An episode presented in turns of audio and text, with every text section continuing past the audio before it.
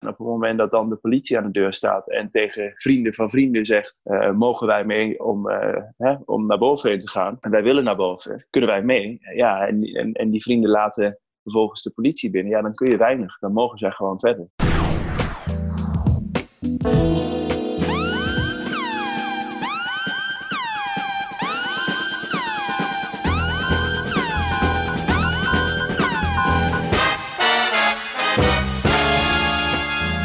Anders dan u van ons gewend bent, volgt nu een special in zaken de coronaboete. Hiervoor hebben wij een speciale gast, meester Justin Kutter van Dekens Pijnenburg Advocaten.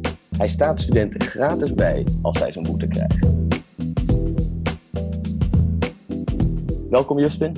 Ja, hallo. Goed dat je er bent. Eh, dankjewel dat je ons even wil helpen met het verduidelijken van de regels rondom de COVID-19-crisis. Het zijn allemaal uh, nieuwe regels en het zijn er nogal veel. Dus we zijn zeker benieuwd wat uh, de effecten daarvan zijn. Dus zou je ons wat kunnen vertellen over de coronaboete? Nou ja, de grote lijn in de regels is volgens mij wel bekend. Het is namelijk gewoon anderhalf meter afstand houden, niet meer dan drie personen bij elkaar. Dat is denk ik waar we aan vast moeten houden. Maar er zijn toch ook echt nog heel veel andere regels die eigenlijk op dit moment heel erg onduidelijk zijn. En zijn daar echt antwoorden op te geven? Nou, volgens mij nog niet. Dat moet allemaal nog maar duidelijk worden de komende tijd en misschien zelfs wel na de coronatijd. Bijvoorbeeld over, nou ja, als studenten mag je dan als huishouden nu in de tuin gaan zitten. Daar is heel veel onduidelijkheid over. Dus echt een duidelijk antwoord geven op de vraag welke regels zijn er nu. Ja, dat is heel erg lastig. Anders dan te zeggen, probeer gewoon de hoofdlijnen aan te houden. Anderhalf meter afstand houden en niet meer dan drie personen bij elkaar. Ja, want ik las namelijk een bericht dat uh, de politie, anders dan voorheen, niet meer aan waarschuwingen doet. Dus dat maakt het wel lastig in combinatie met die uh, veelheid aan uh, onduidelijke regels. Ja, en dan zie je alweer hoe onduidelijk dat is. Want het bericht staat nog wel op de website van de politie. Hè? Dus daar staat dan nog op dat zij overgaan tot waarschuwen om vervolgens dan te bezien of je houdt aan die waarschuwing. En dan, nou ja, eventueel een strafbeschikking uit te schrijven. Nu zijn er inderdaad alweer berichten van de politie dat ze onmiddellijk overgaan tot handhaven. Ja, dat geeft aan, zoals ik al zei, dat er heel veel onduidelijk is. Ja, nou wat moet je doen als je toch zo'n boete krijgt? Het is zo dat je in eerste instantie staande wordt gehouden. Dus dan wordt er tegen je gezegd dat je idee uh, moet laten zien en dan wordt het nodig genoteerd. En dan wordt er veel toch ook al wel aangegeven dat je de strafbeschikking krijgt. Die krijg je dan op een later moment op de mat. En dan adviseer ik allereerst iedereen, en dat is met name ook voor de studenten, probeer goed uh, te bekijken waar je op dit moment staat ingeschreven. Want dat gaat nog wel eens mis. Mensen die bijvoorbeeld nog staan ingeschreven bij hun ouders. Of mensen die überhaupt geen adres hebben, dat het even in de lucht hangt. Het is wel jouw verantwoordelijkheid in principe om, om dat goed te regelen. Nou, daar kun je dan ook nog weer discussie over voeren, want het is ook aan het OM om dat, dus het Openbaar Ministerie de aanklagen om dat netjes uit te reiken. Maar die discussie wil je eigenlijk gewoon niet voeren. Dus wat ik iedereen zou willen meegeven, kijk goed waar je op dit moment bent ingeschreven. Is dat je studentenwoning, is dat bij je ouders en hou de post goed in de gaten, want daar zal dan vervolgens die strafbeschikking komen. Ja, ik hoor je de hele tijd zeggen strafbeschikking. Is dat anders ja. dan een normale boete? Ja, dat is zeker anders omdat het een uh, aantekening is op je justitiële documentatie op het moment dat je die strafbeschikking voldoet.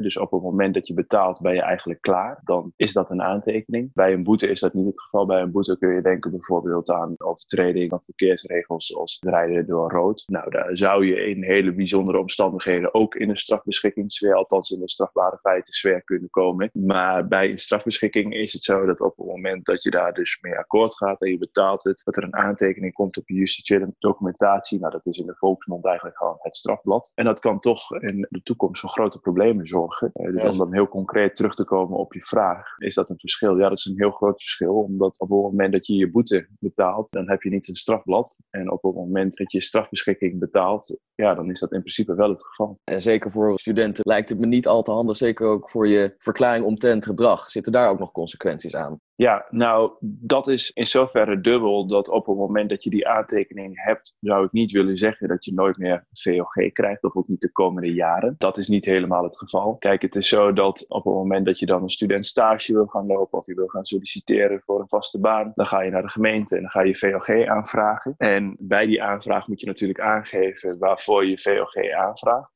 Nou, de desbetreffende ambtenaar die het verzoek in behandeling neemt, die zal dan je justitiële documentatie inzien. En die ziet dan dat daar die strafbeschikking op staat. Die ziet dan ook om welk strafbare feit het gaat. En vervolgens gaat dan die desbetreffende ambtenaar een afweging maken. Kan deze persoon met deze aantekening ja, dit beroep uitoefenen? En dat is dan een discussie. Dan heb je nog wel weer allerlei procedures om het aan te vechten.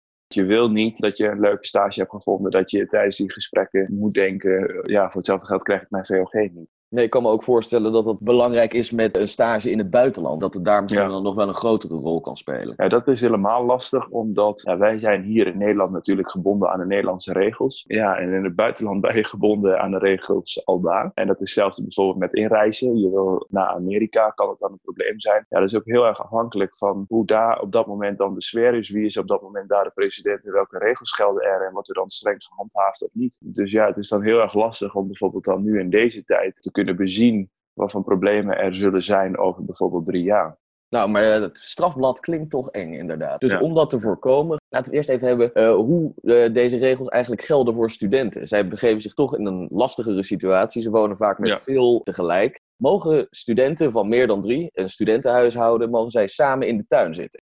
Nou, dan is het eigenlijk een beetje de vraag of het een afgeschermde tuin is, zou ik zeggen. Hè? Dus is het een tuin die echt van jezelf is, of is het een grasveld voor je studentenflat? In het eerste geval zou ik zeggen ja, daar is goed mee weg te komen. In het tweede geval denk ik dat je nog steeds goede argumenten hebt. Maar kom je toch al wel echt in een grijs gebied, zullen er ambtenaren zijn die wel overgaan tot het uitschrijven van een strafbeschikking en dan moet je dat dus aanvechten. Ja, dus er is een duidelijk verschil tussen een tuin en een openbaar park. En samen naar de supermarkt, mag dat wel? Nee, dat is ook niet de bedoeling. In de zin van, ja, kijk, weet je, het punt is dat op het moment dat je te doen hebt met een huishouden, dan kun je dus wel, hè, in principe zou je dan de supermarkt in mogen gaan. Kom je volgens mij de supermarkt niet in, want nu word je overal tegengehouden. Maar als je gewoon te doen hebt met een studentenhuishouden, ja, dan, dan mag dat niet. Want dat is, staat dus heel erg ter discussie. Ja, helder. En dan uh, ja, eigenlijk een laatste vraag waarvan ik het antwoord er wel op weet. Maar ik ben toch wel benieuwd. Mag je nou gewoon een feestje geven op je eigen dakterras?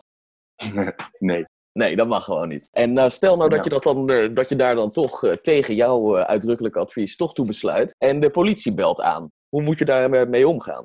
Het is wel heel erg leuk, want, um, nou leuk, maar ik heb nu uh, de nodige studenten die zich bij mij hebben gemeld. En er zit dus inderdaad een groepje tussen waar dit dus speelt. Waar uh, personen op het uh, terras stonden. daar speelde wel veel meer, want het waren ook nog terrassen die bij elkaar kwamen. Dus daar kon je dan ook nog weer discussie over voeren. Maar lang vooral kort, wat in ieder geval hiervan belang is, dat op een gegeven moment de politie boven stond. En dat ik ook zei, hoe kan het dat die politie boven kwam?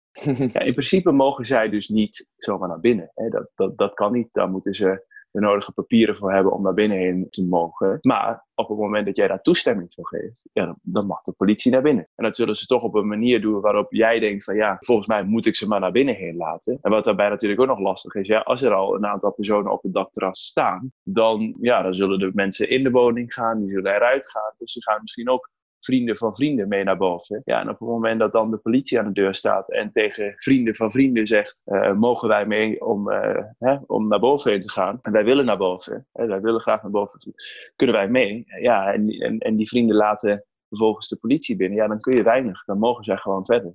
Helder. En dan uh, wil ik je nog even vragen om uh, concrete tips. Ik hoorde je al zeggen, je moet dus niet betalen, want dan be beken je direct schuld. Ja, dat is een uh, heel goed punt. Want dat zou ik me heel goed kunnen voorstellen op het moment dat ik iets minder juridisch was onderlegd. Dat ik zou denken, goed, ik, ik, ik ga in bezet tegen die strafbeschikking, maar ondertussen betaal ik het wel. En net zoals bijvoorbeeld met belastingaanslagen. Want je wil ook niet dat er allerlei nou ja, extra bedragen bijkomen omdat je het nog niet hebt betaald. Dus ik kan gewoon geen gezin gewoon geen zin in gezeik wat dat betreft. Ja, precies. Dus dat je denkt, nou goed, ik betaal het vast, maar ondertussen ga ik wel in verzet.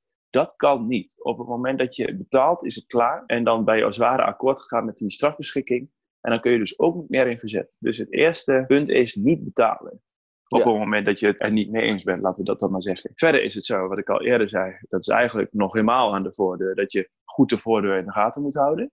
Want je moet goed kijken van wanneer komt mijn strafbeschikking binnen. Ik zou dan toch even de vinger aan de pols houden op het moment dat je weet dat die gaat komen en je hebt er over drie maanden nog niks gehoord. Dat je niet denkt van nou, dat is hartstikke fijn, het zal wel niet meer komen. Hou daar even de vinger aan de pols. Nou, dat kun je doen door mij te bellen dat ik de vinger aan de pols ga houden. uh, maar je kunt ook zelf even met het Openbaar Ministerie bellen. Vragen van, goh, uh, kunnen jullie iets zien in de systemen? Ja, maak je dan slapende honden wakker? Ik denk het niet. Want ja, de strafbeschikking komt wel of die komt niet. Die komt niet wel omdat jij vervolgens hebt gebeld. Dus dat moet je wel even goed in de gaten houden. Nou, dus wat ik al uh, eerder zei, dan niet betalen. En vervolgens zou ik advies inwinnen uh, van uh, maken wij hier een kans? En dat heb je misschien wel gemerkt in, in dit hele gesprek. Ik geef niet hele duidelijke antwoorden van dit mag wel, dat mag niet, omdat het gewoon niet helder is. Ehm, wat ik zei, wat we nu echt kunnen zeggen is, je mag niet met drie of meer personen bij elkaar in het openbaar uh, anderhalf meter afstand houden. Maar verder zijn er heel veel schemergebieden. Ik weet dat bijvoorbeeld de Veiligheidsraad nog afgelopen week heeft gezegd: ja, bij huishoudens en met name uh, bij studentenwoningen is er heel veel onduidelijk of dat dat nu wel of geen huishouden is. Mensen zijn bang uh, omdat ze niet weten wat ze mogen doen. Nou, voor de helderheid, een uh, studentenflat waar bijvoorbeeld acht mensen bij elkaar wonen, is ook een huishouden. Dus die mogen in die flat bij elkaar zijn. Nou, dan denk je dat je al wat gewonnen hebt. Maar er blijven dan allerlei vragen over. Wat mogen die mensen dan vervolgens wel ook naar buiten uh, samen zijn? Ja. Nou, hè, dus volgende punt, volgende advies. Win advies in. En dan is het even de vraag van, uh, stel je zelf verzet in of laat je dat doen? Nou, die verzetmogelijkheid is wel een serieuze mogelijkheid al om je punt te maken. Dus ik zou zeggen, doe dat ook goed. Grijp die kans aan. Je kunt ook een briefje sturen met ik stel verzet in. Dat is voldoende in principe. Met de nodige gegevens zoals die ook staan op de strafbeschikking. Maar ik zou toch goed motiveren waarom je uh, nou ja, uh, vindt dat die strafbeschikking moet worden ingetrokken. Want dan zitten we eigenlijk een beetje in het beslissingskader van de officier van justitie. Je verzet komt binnen bij het Openbaar Ministerie. De officier van justitie die gaat dan met uh, dat verzet aan de slag en die gaat kijken, ga ik die strafbeschikking intrekken? Nou, dan is het helemaal van de baan en dan is het goed. Of ga ik deze zaak voor de rechter brengen? Nee, zeker. En denk je ook nog, uh, ik loop hem misschien een beetje op vooruit hoor, maar dat er uh, ook nog wel een juridisch argument zit in de onduidelijkheid van die regels? Zeker. Ik merk toch wel veel studenten die zeggen, ja, wij zijn niet gewaarschuwd, terwijl de politie dat wel heeft aangegeven te zullen doen, hè? wel eerst te zullen waarschuwen. Ja, um, ja. Nou, ik zou zeggen, daar wordt ook al in uh, strijd gehandeld met het vertrouwensbeginsel, zoals we dat ook kennen. Allemaal dat soort ja, toch juridische elementen, die spelen wel. Nou, op het moment dat je kunt vaststellen dat je echt in strijd handelt met die noodverordening, dan zit je ook wel bij het strafbare feit. En dan, dan um, nou, zou je zeggen, je bent rond en je hebt strafbaar gehandeld. Maar er zijn veel meer punten die van belang zijn. Dus daarom moet dat goed worden bekeken. Ja, ik denk dat we als laatste tip sowieso nog wel uh, kunnen geven dat, uh, dat je je toch wel moet houden aan uh, de regels. En zoveel mogelijk ja. toch proberen te voldoen aan Tuurlijk. de regels. Tuurlijk. De, een van de eerste vragen, mag je dan buiten voor je studentenwoning dan wel met drie of meer studenten gaan zitten? Ja, wat ik eerder zei het staat volgens mij ter discussie. Maar je wil die discussie niet hoeven voeren. Dus ik zou zeggen, probeer de schijn te voorkomen en je aan de regels te houden. En op het moment dat je toch een leuk feestje wil houden met Koningsdag, met je studenten die in je woning zitten, dan hou het in de woning. Doe de gordijnen dicht en hou de deur dicht. Ja, en uh, heb je een e-mailadres voor onze luisteraars, zodat uh, ze jou kunnen mailen mochten ze nou zo'n probleem hebben? Ja, want dat is even wel een goed punt. Hè, van ik zou zeker op het moment dat je de strafbeschikking krijgt, gewoon eens een mailtje sturen. Dat is gewoon vrijblijvend. We proberen te helpen. Um, en dan kunnen we ook zeggen op het moment dat het echt kansloos is van ik denk niet dat dit gaat slagen. Uh, dan is er iets meer helderheid. Um, dus ik zou zeker zeggen, stuur een mail met daarin het verhaal. En dat kan naar Kotter. En dat is zonder de omlaut. Dus gewoon K-O-T-T-E-R.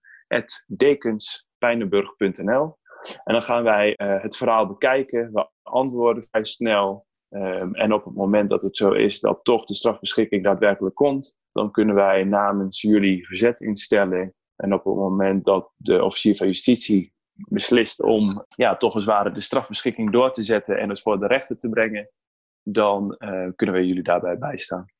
En uh, nog een laatste belangrijk puntje voor studenten. Dat, uh, dat is gratis, toch? Dat klopt, ja. Nou, dat uh, moet ik zeggen, dat op persoonlijke titel vind ik het heel tof dat je dat doet. ja, we moeten allemaal een beetje een steentje bijdragen in deze tijd. Dus dat doen we op deze manier.